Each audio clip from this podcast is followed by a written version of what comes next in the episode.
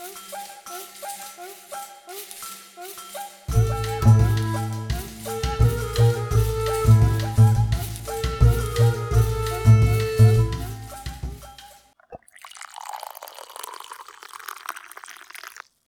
Kawa zalana, możemy zaczynać. Dzień dobry Państwu, to mówię ja, Paweł Mirowski. Witam wszystkich słuchaczy podcastu Humanista przy kawie w drugim sezonie. Dla przypomnienia i dla nowych zainteresowanych, w tych audycjach słuchamy wypowiedzi ludzi związanych z Wydziałem Humanistycznym AGH. I dzisiaj moim i Państwa gościem jest profesor Tadeusz Gadacz. Dzień dobry, panie profesorze. Dzień dobry pan, dzień dobry państwu. Mm, pan profesor jest członkiem Katedry Studiów nad Kulturą i Badań Ery Cyfrowej i reprezentuje w tej katedrze stronnictwo filozoficzne. Razem z e, panem profesorem Branickim mamy też na wydziale, można spotkać jeszcze pana profesora Fijuta oraz profesora Klemczaka. Przygotowując się, zastanawiałem się, w którym kierunku rozwinąć dzisiejszą rozmowę i dlatego zacznę od takiego pytania, ponieważ na wykładach pana profesora zawsze znalazł się taki moment, kiedy zaczął pan zadawać pytania studentom i oczekując od nich pewnej refleksji czy jakiejś odpowiedzi na zadane pytanie. Oczywiście jest zrozumiałe, ale czy poza właśnie tą sytuacją akademicką lubi pan profesor rozmawiać o zagadnieniach filozoficznych i uczestniczyć w takich rozmowach, czy rozpoczynać takie rozmowy, które angażują, nakłaniają wręcz do refleksji? Oczywiście, że tak, dlatego że filozofia nie jest monologiem, tylko dialogiem, począwszy od jej greckich korzeni, gdyż, y, jak mówili Grecy, dialog to jest logos dia, czyli słowo pomiędzy. A zatem język jest y, czymś, co y, jest międzyosobowe, międzyludzkie. Nawet ważniejsze w tak rozumianym języku jest pytanie niż, niż odpowiedź, dlatego wszystkie te wielkie odkrycia nowych paradygmatów myślenia zawsze wypływały z odwagi i intuicji y, postawienia nowych pytań albo pytań w inny sposób. Mm, ja jestem y, przekonany, że mm, tak jak Hans-Georg Gadamer w XX wieku, iż język jest czymś bardzo tajemniczym. On porównał język do gry. Natomiast każdy z nas, kto gra na przykład w szachy, to wie, że to nie my gramy w grę, tylko gra granami. Oczywiście trzeba znać zasady gry, żeby móc grać w grę, ale my nie wiemy, jak gra się potoczy, nie wiemy, jaki wykonamy ruch, bo nie wiemy, jaki ruch wykona ktoś inny. A zatem właśnie to słowo między jest tutaj istotne, co prowadzi nas do przekonania, że nikt z nas nie ma prawdy, tak samo jak nikt z nas nie ma języka, bo to język ma nas i prawda ma nas. I ona tylko między może się wydarzyć, między nami. I tak ja też postrzegam całą kulturę, że to jest y, nieustanny dialog, w którym ja stawiam pytanie, a znajduję odpowiedź na przykład u Cycerona. Y, bo jeśli chcę na przykład zrozumieć, co się dzieje w polskim parlamencie, to wcale nie muszę czytać wczorajszej albo dzisiejszej gazety, tylko pytam, czym jest polityka, a Cyceron mi odpowiada, Kiedyś podobno była ona troską o dobro publiczne, a dzisiaj jest bachicznym tańcem wokół mównicy. I to mi wszystko wyjaśnia, prawda? Ten bachiczny taniec, który wykonywany jest przez polityków różnych, różnych stron.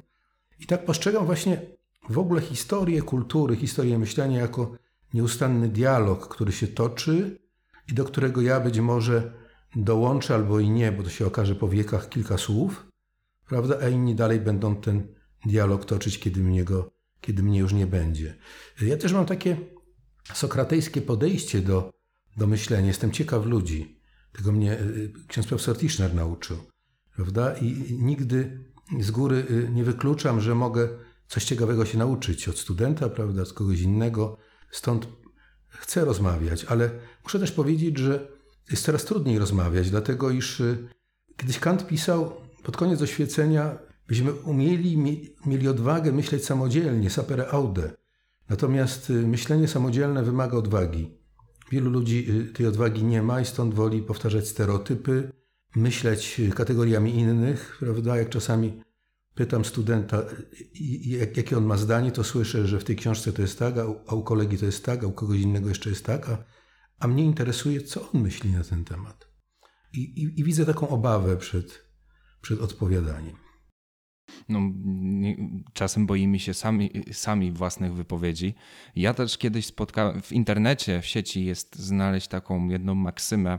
To chyba jeden z takich ważniejszych aktorów powiedział, że y, chciałby kiedyś usłyszeć dyskusję na temat życia, nad problemami życia, a nie nad tym, kto, jaka celebrytka, jak, jakie zjadła śniadanie. No z jednej strony właśnie tak wychodzi takie pytanie o samą filozofię, czy bo ktoś może zarzucić, że, że refleksja w filozofii jest bardzo górnolotna i oderwana od takiej codzien, codziennej rzeczywistości.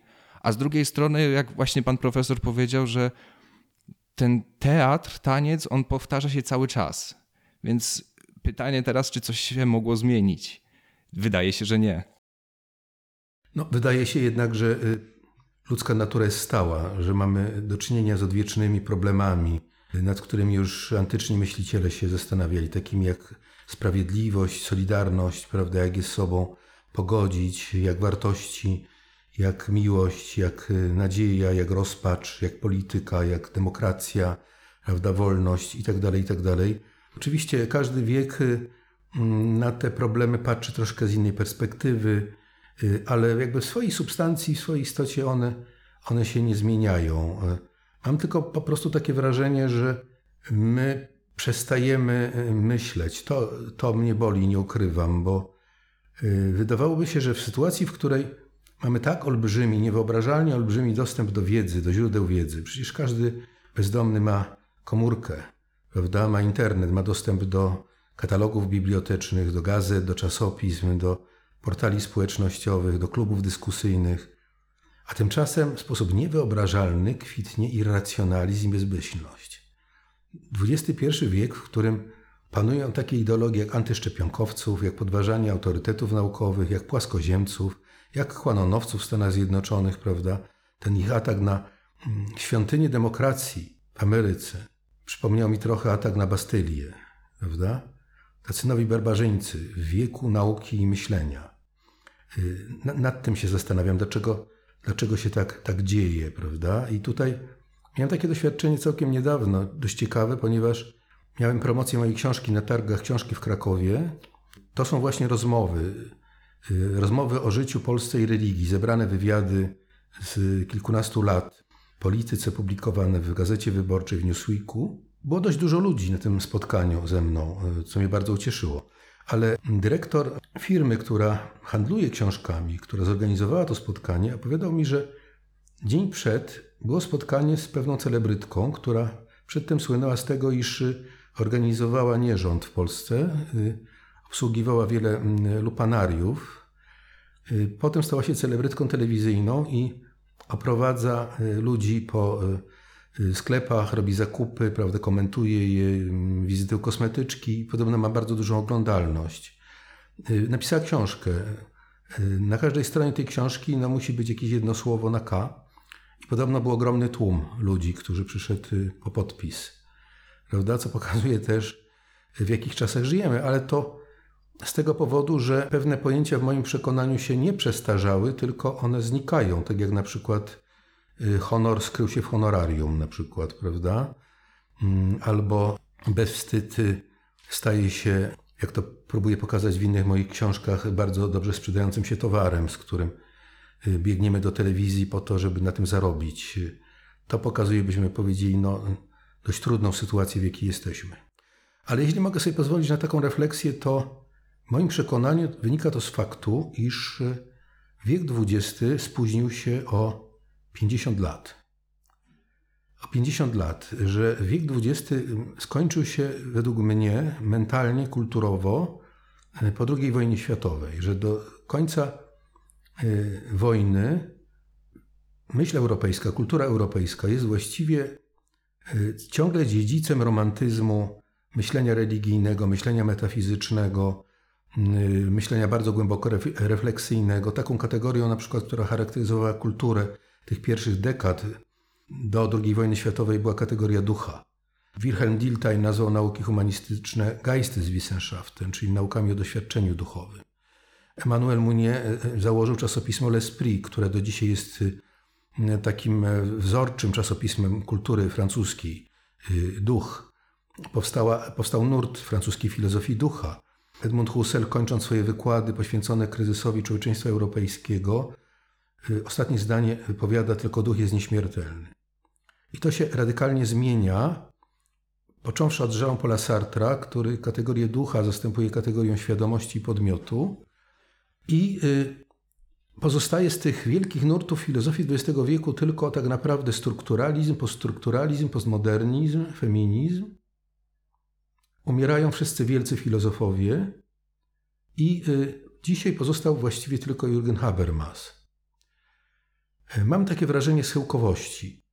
Umiera na naszych oczach paradygmat humanizmu europejskiego, który y, mówił, że człowiek to brzmi dumnie, ale trudno utrzymać to hasło w perspektywie obozów koncentracyjnych czy gułagów, wielkich ideologii niszczycielskich w XX wieku, a także tego, co polskie władze dzisiaj robią z, z uciekinierami na granicy. Dlaczego humanizm się przeżył? Ponieważ humanizm był ideą wykluczającą. Kiedy y, Leonardo da Vinci narysował słynny rysunek, sztych człowieka wirturiańskiego, wpisanego w figury geometryczne, symbol kosmosu, to tym człowiekiem był biały mężczyzna Europejczyk. Już starożytni Grecy wykluczali kobiety, niewolników, dzieci.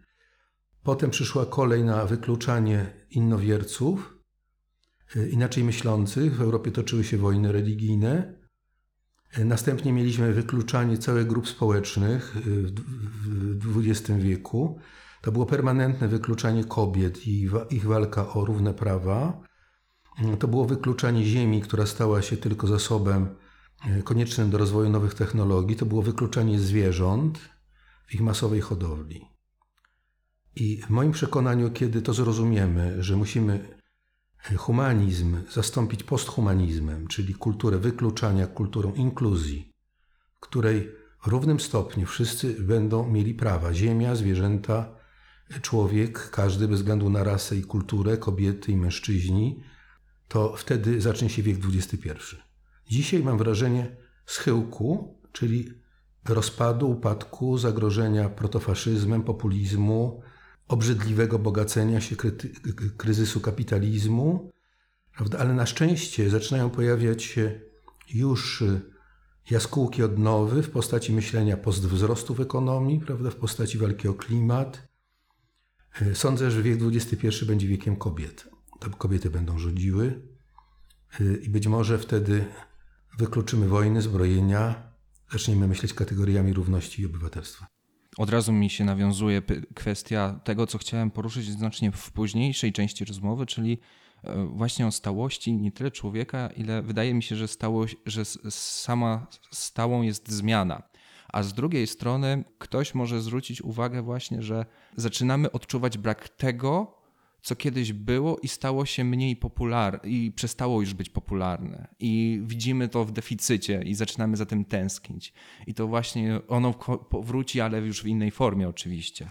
Ale też pan profesor nawiązał właśnie do, do książek, bo pan profesor jest niezwykle aktywnym pisarzem. Oczywiście do, na, na, samej rozmowie podcastowej pewnie nie zamkniemy całej myśli pana profesora, dlatego e, mogę odesłać do książek. Ja chciałbym zwrócić uwagę na dwa cykle, czyli właśnie cykl o życiu, który pojawił się no, został zamknięty chyba kilka lat temu, a obecnie pojawia się cykl właśnie dla mądrych ludzi na trudne czasy.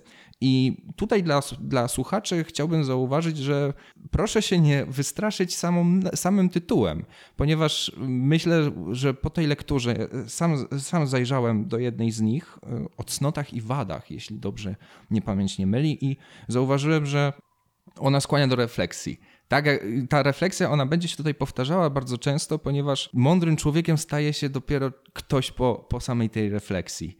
I, I tam można znaleźć, właściwie zreflektować się przede wszystkim nad samym sobą. I to chyba jest taki początek tej mądrości. No tak, ja staram się wrócić do e, starego słowa greckiego, bo wydaje mi się, że właśnie Grecy, choć popełnili wiele błędów społecznych przede wszystkim, to jednak e, określili pewien zasób pojęć, który jest no, fundamentem ludzkiej kultury. Takim pojęciem, takim słowem, o które się upominam, jest mądrość.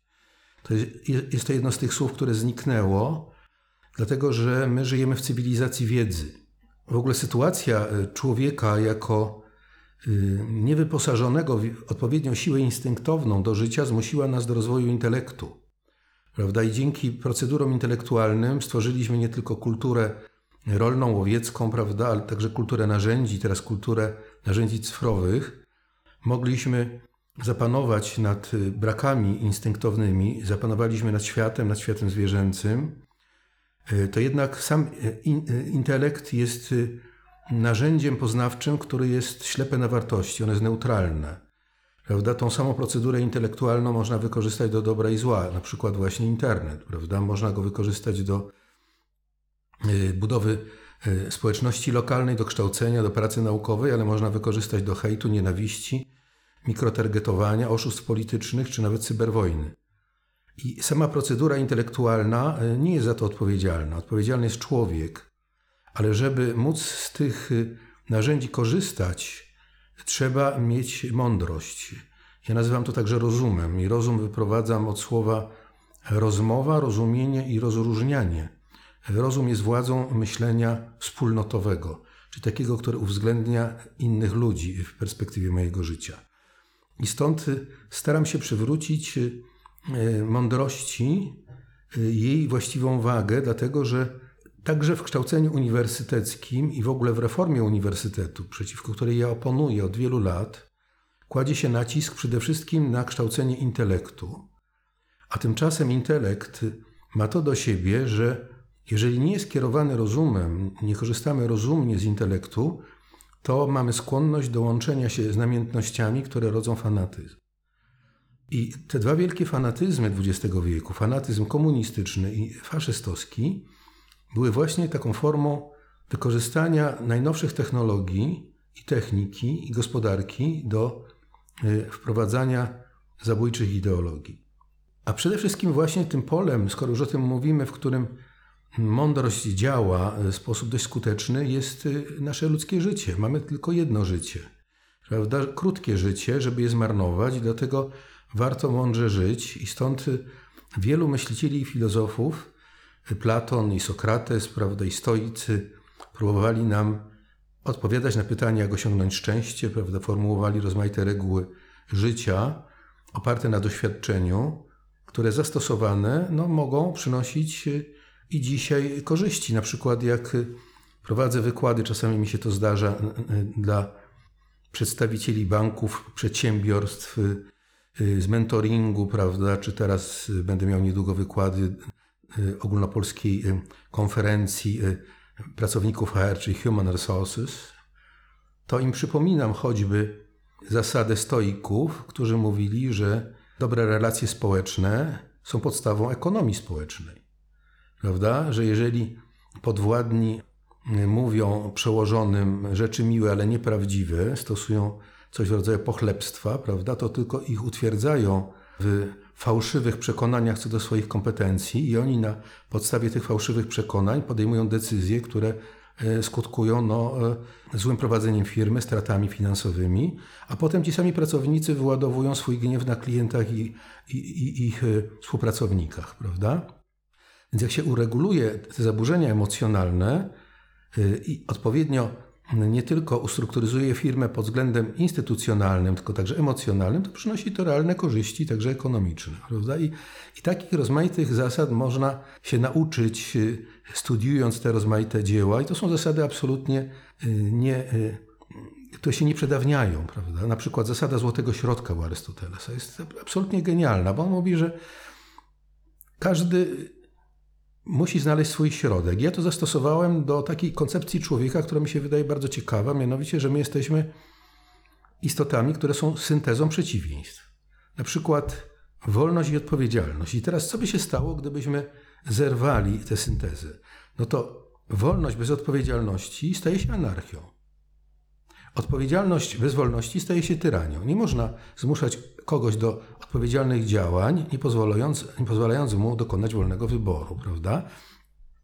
Ale gdzie przebiega ta granica, czy y, więcej odpowiedzialności, czy więcej wolności, to wszystko zależy od człowieka, od sytuacji, od momentu, prawda? Na przykład jak prowadzę grupę doktorantów, to po kilku miesiącach momentalnie się orientuje, komu mogę dać wolność, bo sam będzie pisał, a od kogo muszę y, wymagać więcej odpowiedzialności, bo kieruje się i w jednym, i w drugim przypadku dobrem. Tylko to dobro realizowane w jednym przypadku jest zupełnie inne niż dobro realizowane w drugim przypadku, prawda? I teraz w jaki sposób możemy nabrać mądrości albo rozumu? No, żyjemy zbyt krótko, bo żyjemy w jednej perspektywie kulturowej, w jednej perspektywie językowej, w określonej epoce. Natomiast kiedy czytamy literaturę, poezję, e, kontemplujemy sztukę, czytamy dzieła filozoficzne, mamy możliwość dzięki kulturze osiągnięcia wolności, wolności różnych perspektyw, różnych epok, e, życia e, biografią różnych bohaterów, różnych ludzi. I to jest jedyny sposób, ta dookolna droga przez kulturę do nabycia kompetencji rozumowych. I ja mówię naszym studentom, że Wydział Humanistyczny AGH jest sercem tej uczelni.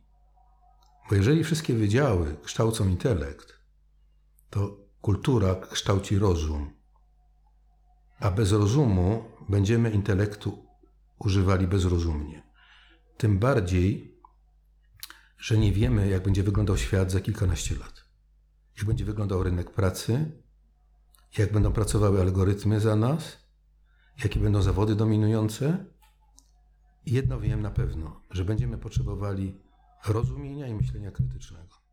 No właśnie tutaj pan, pan profesor podał idealną wykładnię obrony nauk humanistycznych. Obrony, ponieważ spotykamy się, wydaje mi się, że można zauważyć straszną niechęć do, co do humanistów. Mówi się, po co są filozofowie, po co są humaniści, po co... Samo zaskoczeniem budzi przecież Wydział Humanistyczny na Akademii Górniczo-Hutniczej, a tutaj dzieją się naprawdę niesamowite rzeczy.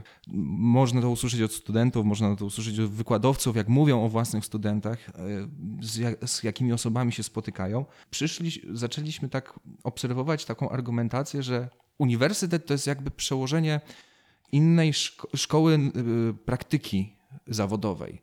I natomiast nie była tego idea uniwersytetu od samego początku. To było uczenie się, to było zdobywanie wiedzy, a nie zdobywania umiejętności praktycznych. Choć, co nie znaczy, że teraz na uniwersytecie się tego nie, nie nabierze, ale tutaj właśnie miałem zadać pytanie, gdzie współcześnie właśnie w świecie, gdzie mm, odmierzamy zysk, rozwój poprzez zysk materialny, gdzie od, mm, odmierzamy rozwój poprzez doświadczenie emocjonalne, emocje, uczuciami, gdzie jest miejsce filozof- gdzie, gdzie może miejsce znaleźć filozof w takim świecie. I pan profesor tutaj jasno wyłożył jak na stole, że po prostu to kształtuje się zupełnie co innego, ale nadal konieczne do egzy- w egzystencji, w życiu, w istnieniu w ogóle. Wie pan, ja na przykład współpracuję z profesorem Hausnerem, który jest ekonomistą. Yy, on yy, wiele się nauczył ode mnie z filozofii, zresztą to publicznie mówi, ale on się zajmuje ekonomią postwzrostu. Prawda? Mówi, I to nie tylko on jest jedynym głosem pokazującym, że nie możemy yy, mierzyć ekonomii tylko PKB, prawda? Bo kiedy ludzie chodzą do prywatnych lekarzy, do prywatnych klinik, się operują, to PKB wzrasta. Ale czy wzrasta dobrostan społeczny, kiedy oni są chorzy? No nie wzrasta, prawda? A zatem musimy myśleć kategoriami dobrostanu. Nie tylko ludzi, ale także ziemi, prawda, klimatu, równowagi. Można oczywiście bardzo skutecznie wyłowić ryby za pomocą granatu wrzuconego do rzeki, tylko tam pozostanie dziura. Prawda? W związku z tym ekonomiści dzisiaj mówią, że musimy o ekonomii myśleć holistycznie, włączać ją w kształcenie uniwersyteckie, w kulturę, w ruchy miejskie, prawda? Co y, zmienia zupełnie perspektywy. Y, I znowu wracając do Greków. Grecy znali nie tylko słynne hasło, które było wypisane na świątyni, na wejściu do świątyni w Delfach, prawda? Gnotis auton, poznaj samego siebie. Z tego hasła zostało tylko poznanie i wiedza potem z czasem. Ale przede wszystkim kierowali się hasłem epimeleia heautu, czyli troski o samego siebie. Myślenie jest rodzajem troski. Poznajemy siebie po to, by się o siebie troszczyć. I z tych dwóch słów, poznanie i troska, możemy wyprowadzić dwie zupełnie odmienne koncepcje edukacji. Mianowicie jedno to to, które wyprowadza słowa kształcenie, edukacja od słowa właśnie edukacjo, czyli przekaz wiedzy. Natomiast drugie, związane z troską, wyprowadza edukację od słowa educere, czyli podawanie ręki. Y, nauczyciel, profesor to jest nie tylko ten, który ma przekazać wiedzę, ale ma podać uczniowi, studentowi rękę, żeby go wydobyć z iluzji, z błędów, z ideologii, postawić na drodze i nauczyć go chodzić, poruszać się samodzielnie, dać mu możliwość pewnej samosterowności, prawda, żeby mądrze żył. I dlatego y, dzisiaj, zgodnie z tym paradygmatem przekazu wiedzy, ja na początku y, zajęć, jak zaczynam zajęcia ze studentami, musząc się odwołać do tych słynnych KRK, mówię im, jaką wiedzę, kompetencje społeczne i umiejętności powinni nabyć w trakcie studiów. A chciałbym i wolałbym raczej, wracając do tego głębszego paradygmatu, powiedzieć, jak mają e, się zachwycić na studiach, jak mają kształtować swoją duszę, jak mają kształtować swój humanitaryzm, jakimi ludźmi powinni się stać w trakcie studiów. I dlaczego to jest ważne? Bo kiedy zakończyła się wojna i z wygnania y, amerykańskiego powrócili intelektualiści niemieccy do Niemiec, między innymi Theodor Wisent Adorno, przedstawiciel szkoły frankfurckiej. I próbowali zrozumieć niemiecką winę. Pytali, jak to jest możliwe, że naród, który wydał Mozarta, który, którego Goethe pisał Fausta, był zdolny do tak okrutnych zbrodni. I wygłosił wówczas kilka wykładów do studentów na Uniwersytecie we Frankfurcie, innymi odpowiedzialność i studia. Powiedział, że po tych doświadczeniach musimy zrozumieć, że celem uniwersytetu nie może być tylko kształcenie podmiotów na rynek pracy. Że celem studiów jest kształcenie humanitaryzmu. I podał przykład z dziedziny prawa, uwaga. Mówi, możemy wyposażyć studentów w świetną hermeneutykę i interpretację prawa, ale to nie wystarczy. Jeśli oni nie, nie nabędą także kompetencji empatycznych, to będzie to koniec sprawiedliwości. I to jest to, o co ja się upominam na uniwersytecie, prawda? O ten wymiar y, etyki myślenia, a nie logiki myślenia. Ja piszę teraz dużą rozprawę y, o dobromyślności, o myśleniu po Auschwitz i Kołymie. Uważam, że myśmy jeszcze tamtych tragicznych zdarzeń do końca nie przemyśleli, że my cały czas brniemy w stronę logiki myślenia. Otóż intelekt myśli dobrze, kiedy myśli sprawnie, kiedy myśli zgodnie z regułami logiki. Tak myślą algorytmy, nawet lepiej myślą od nas, bo szybciej. Ale myśleć dobrze to znaczy myśleć w kategoriach dobra. I to jest etyka myślenia. I chcę wprowadzić do języka polskiego słowo, którego nie ma. Uwaga, słowo dobromyślność. Dobromyślność to jest myślenie bardzo nowoczesne, bardzo technologiczne, ale myślenie, które myśli kategoriami dobra, inkluzji, a nie zła, nacjonalizmu, populizmu i wykluczenia. I to jest rola y, filozofii, rola społeczna. I to jest odpowiedzialność, która zawsze na na myśleniu filozoficznym ciążyła. Zacząłem się zastanawiać, czy dobromyślność będzie można przedstawić w systemie binarnym, żeby można było. Wydaje mi się, że nie. Po tym teraz, co tutaj pan profesor powiedział, wydaje mi się, że to, to jest właśnie ten element, którego chyba jeszcze cyfryzacja nie przejmie. Komputer może chyba obliczyć tylko zysk, profit, rozwój, ale właśnie tej jakości nie wydaje mi się, żeby, mog żeby mogła obliczyć. To właśnie jest ten holizm. Tak, próbuję się co prawda y, zastanawiać nad tym, czy y, można algorytmy nauczyć moralności, ale to zawsze będzie tylko kalkulacja na przykład mniejszej straty. W sytuacji, w której, nie wiem, tak jak w eksperymentach y, Zimbardo, prawda, trzeba wybrać, y, y, czy mm, zrzucić kamień pod wagonik, prawda, toczący się po torach, po to, by uratować trzy życia, czy jedno. To są tylko tego rodzaju kalkulacje. Natomiast mm, mam potężne obawy, czy algorytmy, choć już w stanie, są w stanie tworzyć poezję i być może nawet eseje, to czy będą zdolne do myślenia kategoriami właśnie myślenia etycznego, a nie tylko myślenia e, sprawnego. Ale będą się pewnie kierować jakąś formą ustaloną logiki, wydaje mi się. Dobro, dobro większości czy dobro jednostki? Pan, no przede wszystkim będą e, algorytmy działały w oparciu o zasady, które w nie wprowadzimy. No tak, tak. Prawda? Jeżeli na przykład ustawimy progowo pewne e, cechy, które muszą spełniać dzieci e, przyjmowane do przedszkoli albo szkół, no to możemy ustawić takie progi, prawda, że tylko członkowie prawi danego narodu, prawda, czy należący do danej rasy będą mogli sprostać tym kryterium. Tak jak już y, sprawni informatycy, prawda, przygotowują kryteria graniczne w sytuacji przyznawania kredytów, na przykład, czy zwalniania pracowników y, pod względem przydatności, prawda, albo ich przyjmowania. Ale to znowu ludzie, którzy te algorytmy tworzą, powinni kierować się rozumem, czyli znowu dobromyślnością, prawda? Wszystko zależy, w czyich rękach y, te narzędzia będą działać. Y, testowane są przecież samoszczelne karabiny maszynowe, które mogą strzelać bez rozkazu. Możemy sobie przecież wyobrazić całkiem dobrze, że zamiast tych szarpiących się z uciekinierami na granicy strażników możemy postawić karabiny, które będą wyposażone w algorytmy do rozpoznawania twarzy. Intelektualnie jesteśmy w stanie to zrobić. Tylko pytanie, czy to jest rozumne działanie? Czy to jest działanie dobromyślne? Ja bym nie zaufał jeszcze maszynie, przynajmniej jeszcze, takiej maszynie, żeby jeżeli kiedyś właśnie broń miało bronić, to teraz wydaje mi się, że za dużo ta tarcza przypomina miecz. No i to jest właśnie problem, o którym cały czas mówimy, mianowicie y, zwalamy tak olbrzymie siły, że one mogą w pewnym momencie stać się siłami demonicznymi, jeśli nad nimi rozumnie nie zapanujemy. No tak.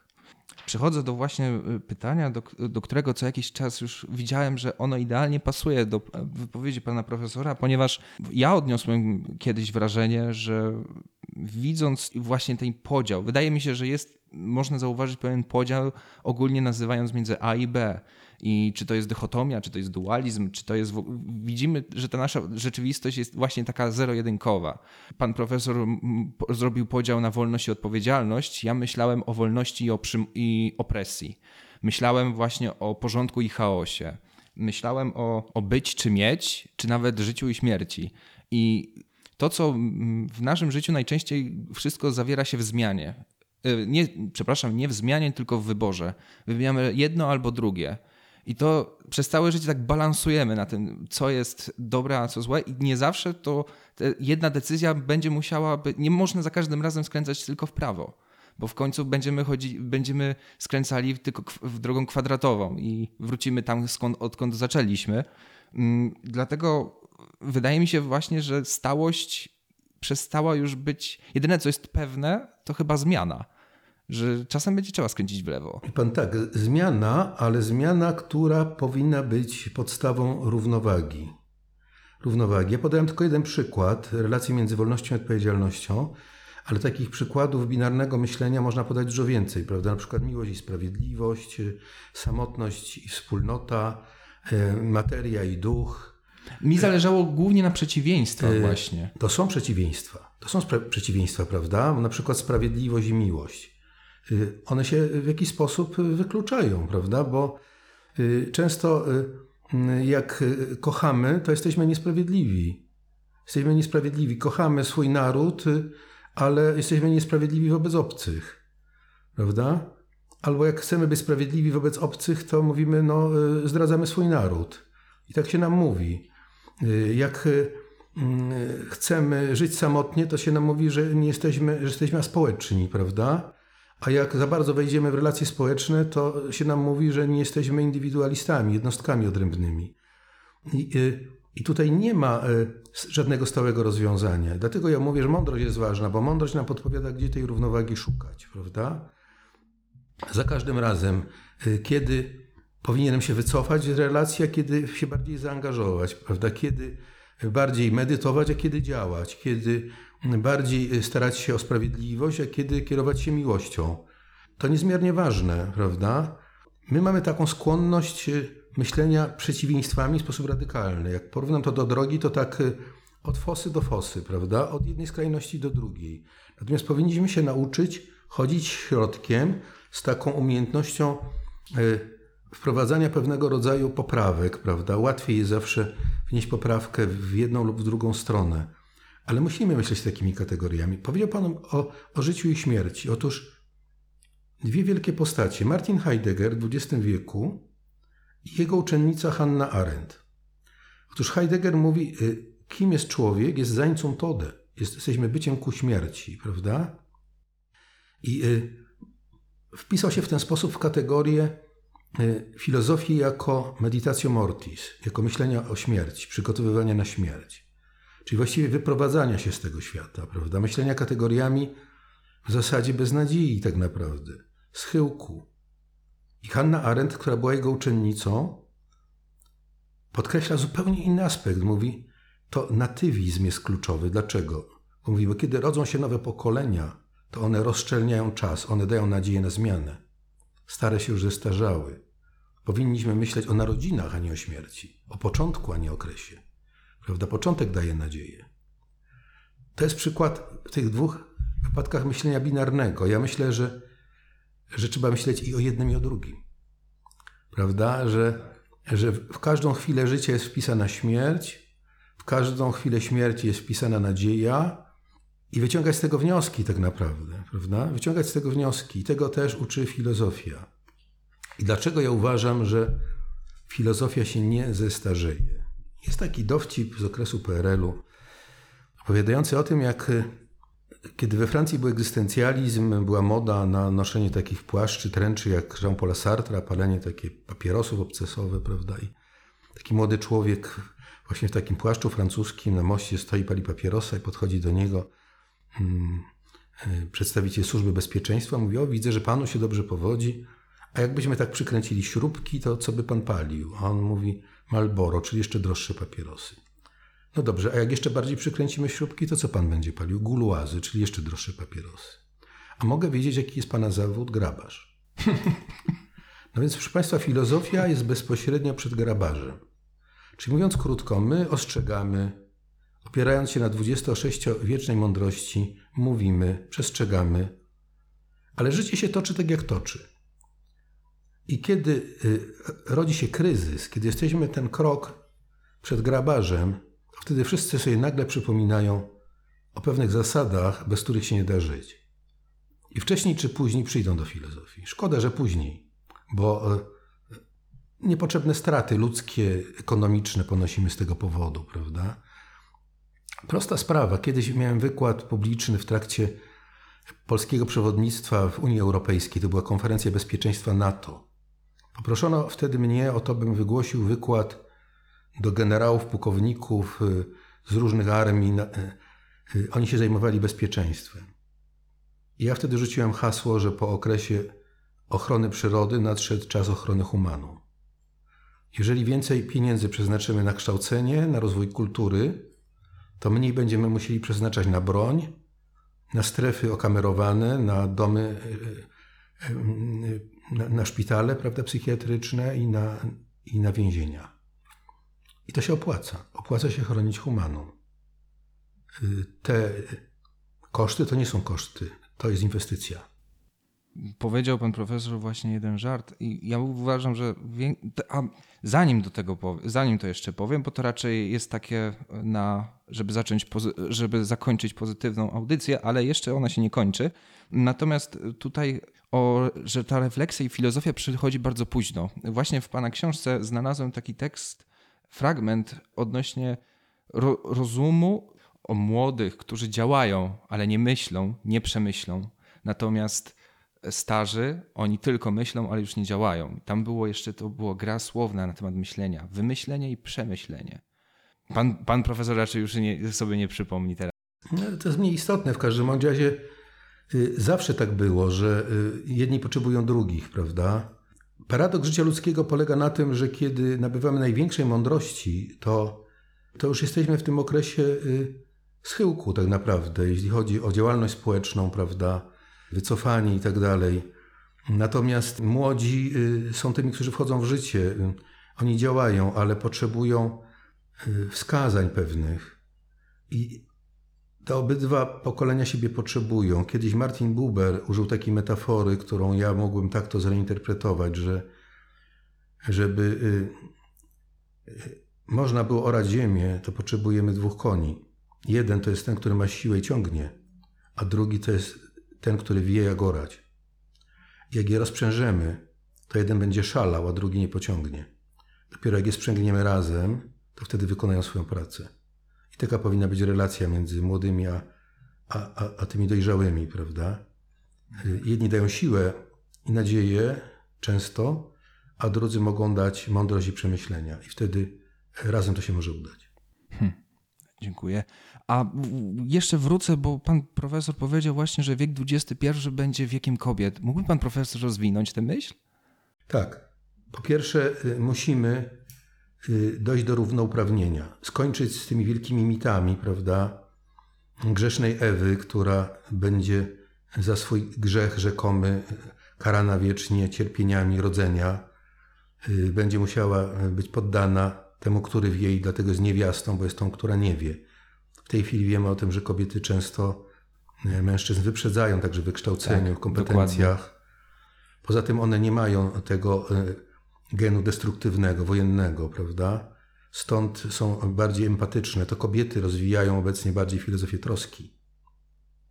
I dlatego dają nadzieję na politykę inkluzywną, włączającą, prawda? One wiedzą, czego potrzeba kobietom, żeby mogły włączyć się w życie obywatelskie. Żłobki, przedszkola, wsparcie społeczne, prawda? Ale jednocześnie myślą kategoriami dobra wspólnego a nie tylko egoizmu, walki. I y, to się zaczyna, prawda? Dzisiejszy rząd norweski jest w zasadzie, składa się z większości kobiet. Nowa Zelandia sobie najlepiej poradziła z pandemią, bo premierem jest kobieta. Takie jest moje przekonanie, prawda? Mhm. Przede wszystkim potrafią one wzbudzić zaufanie. I y, nie wiem, czy mam rację, nie wiem, czy tego doczekam, ale mam takie przeczucie i intuicję. Mhm jak właśnie mm, ten w taoizmie, z tego co wiem, ten pierwiastek męski jest właśnie tym destrukcyjnym, a pierwiastek kobiecy, czyli razem oczywiście z pierwiastkiem męskim tworzą pełnię e, oraz zmianę, właśnie ona jest tą twórczą stroną, tą łagodną, nie, nie, właśnie niedestruktywną, niedestruktywną, niezdobywającą. I właśnie zbliżamy się do końca naszej, naszej rozmowy, która no, dała dużo, znowu, jak zwykle, rozmowa z panem profesorem, tak jak wykłady, one zawsze skłaniają do myślenia i wychodzi, ja pamiętam, chodziłem na wykłady pana profesora, był zatytułowany Kim jest człowiek i zawsze się wychodziło z taką głową właśnie, to była, zresztą to była pora wieczorowa, więc to była idealna pora na rozmyślania. Także y, mam nadzieję, że i też nasi słuchacze zaczęli sobie rozmyślać y, trochę nad tym i może przemyślą jeszcze niektóre swoje decyzje, albo jeszcze przemyślą o decyzjach, którzy, których jeszcze nie podjęli. Mm, dlatego, a że skoro zbliżamy się do końca, to jeszcze taki jeden pozytywny akcent. Dlaczego warto jeszcze czytać książki pana profesora? Ponieważ można w nich znaleźć niektóre żarty i do, zabawne historie. To jeszcze chodzi właśnie, to pan profesor kiedyś y, opisał historię, jak pracował jeszcze przy leksykonie PWN-u.